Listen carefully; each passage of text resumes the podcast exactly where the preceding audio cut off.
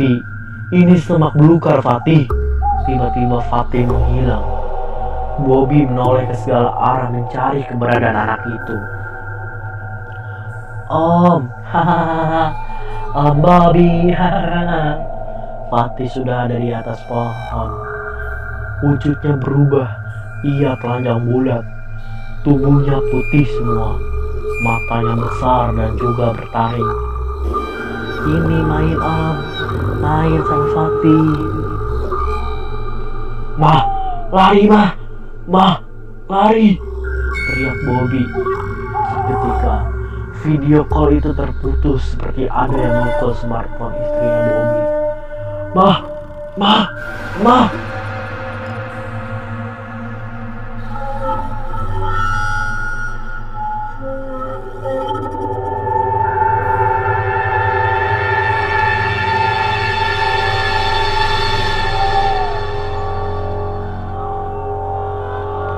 Assalamualaikum warahmatullahi wabarakatuh. Salam Sobat Misteri hari ini. Ketemu lagi sama gua Dias Eka Kusuma Yang biasa dipanggil Ias. Nah Pada episode sebelumnya Gua udah nyeritain Perjalanan Ori dalam mendaki Gunung Polosari Dan ia beserta teman-temannya Kualat dalam melakukan pendakian sehingga membuat penghuni Gunung Pulau Sari menjadi murka karenanya. Dan karena itu pula Ori dan teman-temannya mendapatkan hal-hal ganjil dan tragis yang menimpa mereka. Satu persatu teman Ori hilang dan tewas. Dan pada akhirnya Ori pun selamat dari dekapan penghuni goib Gunung Semeru.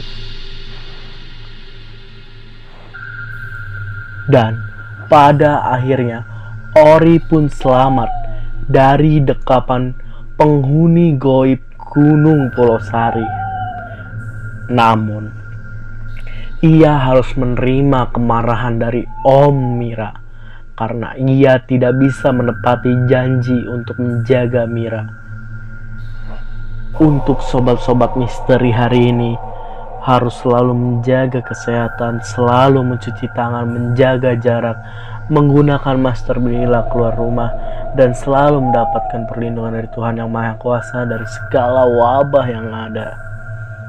Oke, sobat misteri hari ini, pada episode kali ini gua bakal ngebawain kisah kualat Gunung Polosari 2 yang di mana pada kisah ini menceritakan tentang Om Bobby dalam melakukan pencarian Mira di Gunung Polosari. Cerita kualat Gunung Polosari 2 ini juga ditulis oleh Mbah Ngesot lalu bagaimanakah perjalanan Om Bobby dalam melakukan pencarian Mira Apakah ia berhasil menemukan Mira ataukah ia akan bernasib sama dengan pendaki-pendaki yang telah hilang? Misteri hari ini pasti penasaran. Langsung saja ke ceritanya. Misteri hari ini selamat mendengarkan.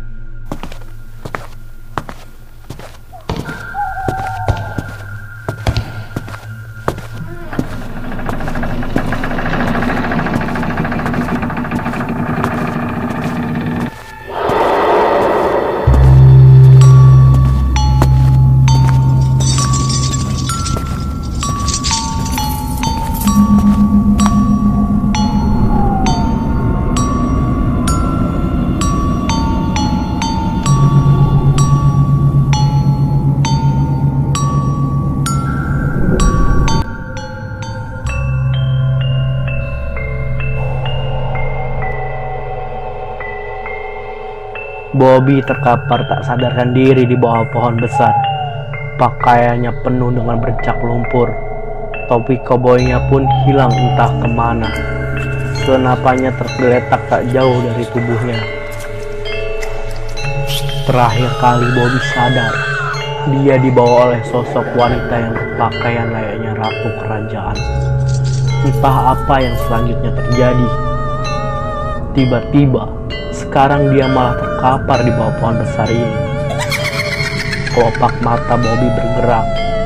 Dalam satu hentakan, kedua matanya membelalak. Bobby menarik nafas dalam-dalam, seperti orang yang baru saja tenggelam. Kemudian, nafasnya terenggah-enggah. Telinganya berdengung hebat. Ia mengerang-erang sambil menutup kedua telinganya dengan telapak tangan. Semakin lama telinganya berdengung semakin keras. Bobby berteriak kesakitan. Dengan terburu-buru, dia merogoh botol air minum dari dalam tasnya, lalu menyiram telinganya sendiri. Kerahan rasa sakit itu reda. Bobby kembali berbaring. Dia menatap dahan dan pohon yang rindang, tapi tatapan itu kosong. Bobby masih bingung dengan apa yang telah dialaminya. Siapa wanita yang berpakaian seperti ratu kerajaan itu? Apakah dia penguasa Gunung Pelosari? Tak lama, terdengar suara sesuatu yang dekat dari balik semak-semak. Bobby dengan sigap meraih senapannya.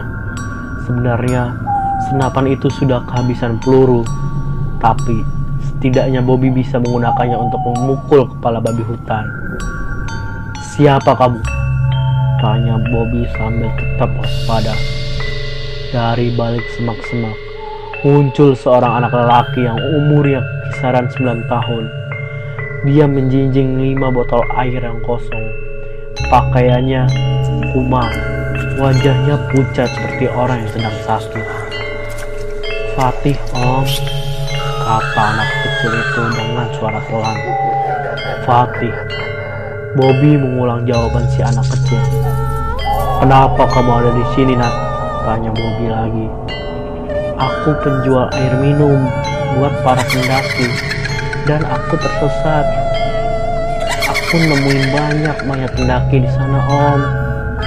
Kata Fatih sambil menunjuk ke arah selatan. Antar aku ke sana. Bobby mendekati anak itu. Aku lapar, Om. Itu mendongak menatap wajah Bobby. Bobby langsung merogoh biskuit dari dalam tasnya. Ini, makan dulu. Jangan khawatir. Kita pasti keluar dari gunung ini, kata Bobby. Tapi sebelum itu aku harus menemukan keponakanku dulu. Dia hilang di gunung. E, namanya Mira, bukan Om?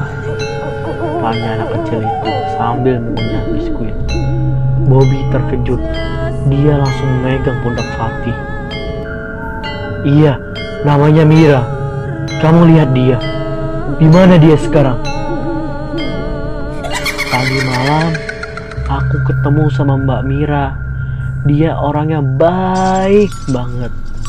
Fatih mengambil kembali sekeping biskuit dari dalam kemasan. Iya, kamu ketemu sama Mira di mana? Aku omnya. Dia hilang di gunung ini. Nada bicara Bobby meninggi. Dia tak sabar ingin segera menemukan Mira. Aku lupa tempatnya om. Tapi Mbak Mira nggak sendirian. Dia sama suaminya. Hah? Suami? Bobby mengurutkan dahi. Bobby curiga. Jangan-jangan itu bukan Mira yang dia cari.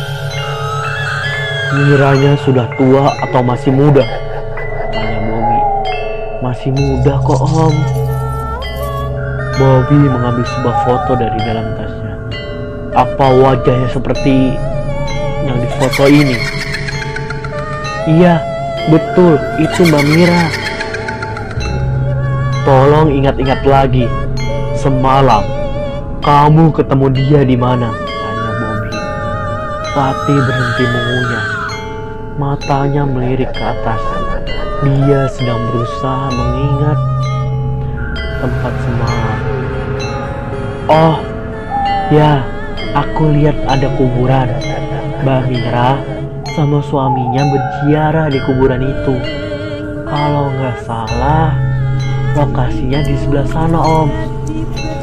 Fatih menunjuk ke semua arah. Ayo kita ke sana sekarang. Bobby memegang lengan anak itu. Kini dalam pencariannya, Bobby tidak sendirian. Dia ditemani Fatih, anak kecil si penjual air yang juga tersesat di Gunung Polosari. Mereka terus berjalan, menembus semak belukar. Sekali, Bobby menebas pohon-pohon kecil yang nantinya menghalangi jalan. Kamu yakin jalannya ke arah sini, Fat? Tanya Bobby. Iya, Om. Seingatku ke sini. Tapi ini semak belukar, Fatih. Tiba-tiba Fatih menghilang. Bobby menoleh ke segala arah mencari keberadaan anak itu.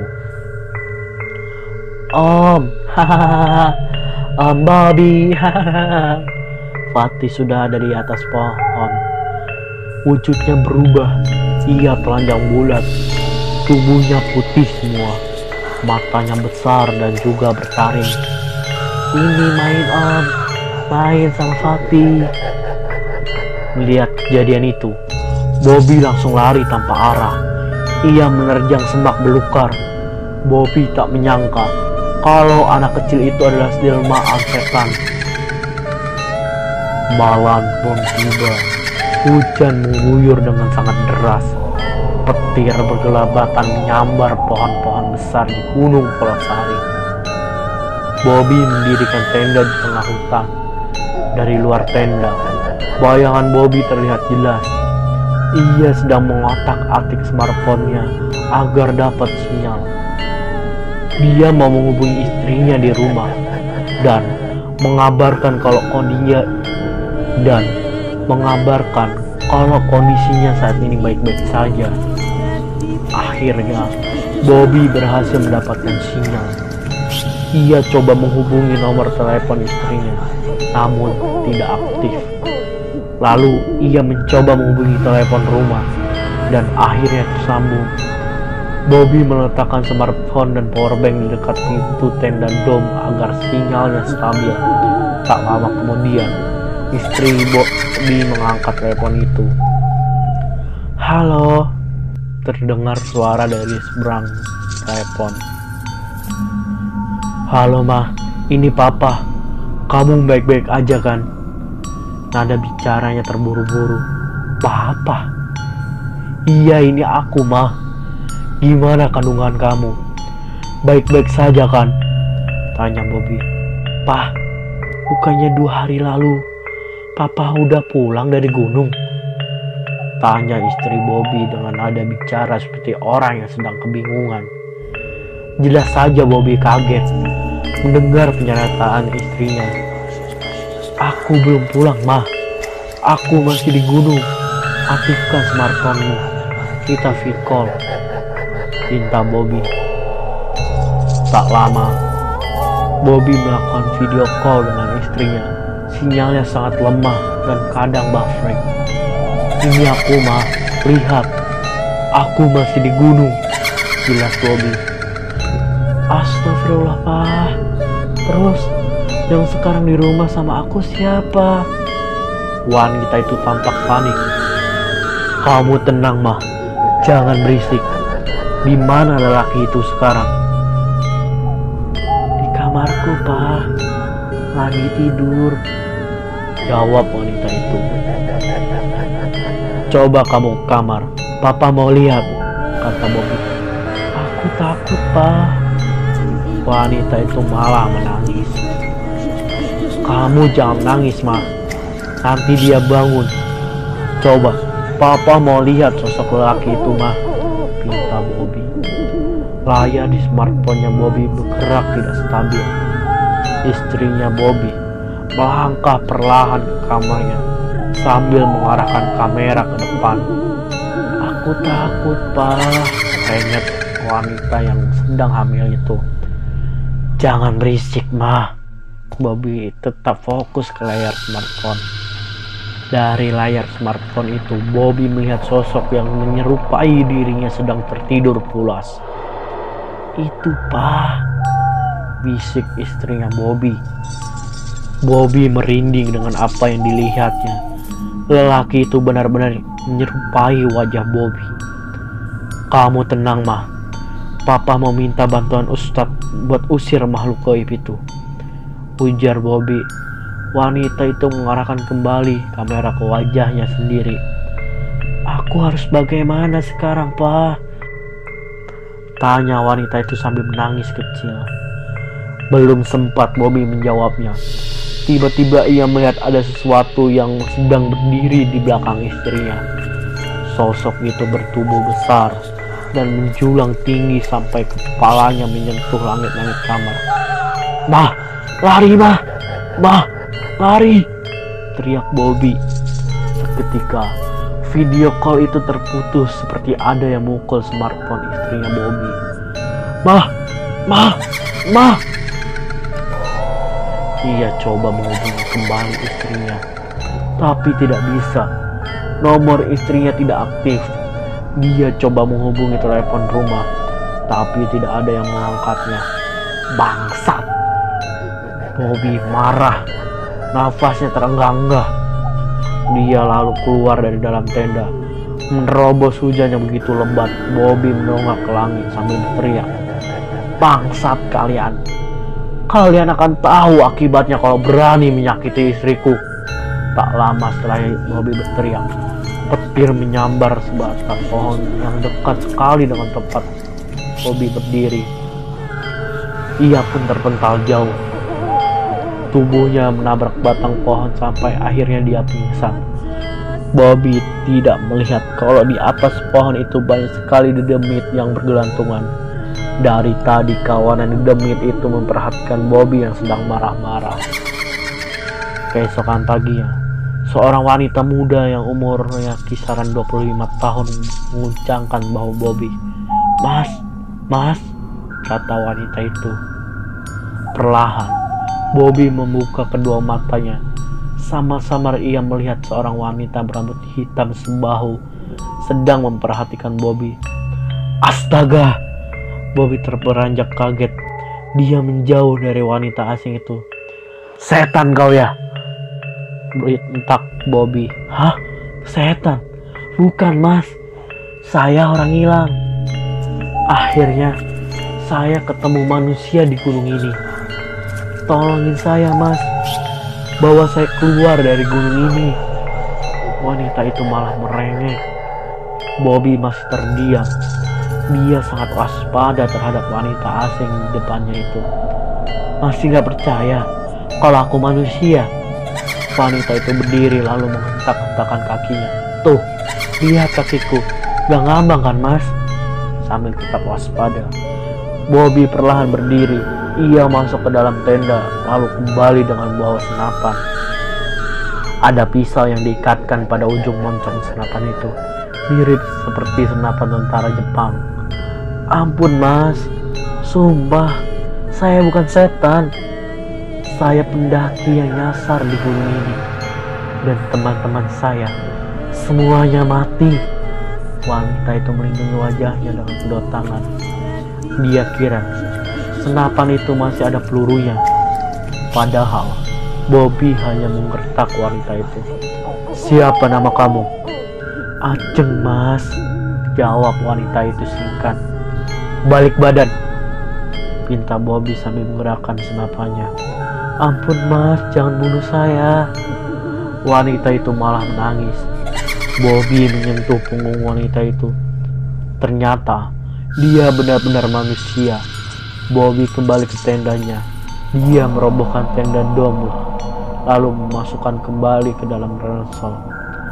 Maaf, aku tak bisa menolongmu. Aku sedang mencari keponakanku, kata Bobby sambil terus memberes peralatan kemahnya. Aku ikut mas, minta Ajeng. Gak bisa, aku gak mau ada beban. Kamu cari bantuan orang lain saja. Bobby menggendong ranselnya, lalu beranjak pergi itu saja. Wanita itu malah mengikuti Bobby. Pokoknya aku ikut, aku takut sendirian. Bobby tak menanggapi wanita yang sedang mengikutinya dari belakang. Dia terus berjalan tanpa arah sambil berteriak memanggil nama Mira. Tak ada pilihan bagi Bobby. Dia juga sekarang tersesat. Bobby tidak tahu jalan pulang. Sekali Bobby menghubungi nomor telepon istrinya, Sialnya, tidak ada sinyal. Smartphone itu ia acungkan ke arah kanan untuk mencari sinyal. Dia tidak tahu apa yang terjadi pada istrinya semalam. Oke sobat misteri hari ini. Seperti itulah perjalanan dari Om Bobby yang di mana ia juga tersesat di Gunung Pulau Sari. Serta istrinya mendapatkan gangguan jin yang menyerupai dirinya. Lalu bagaimanakah kelanjutan dari cerita Om Bobby dalam mencari keberadaan Mira? Tetap pantengin podcast misteri hari ini. Gua Dias izin untuk undur diri. Misteri hari ini selesai.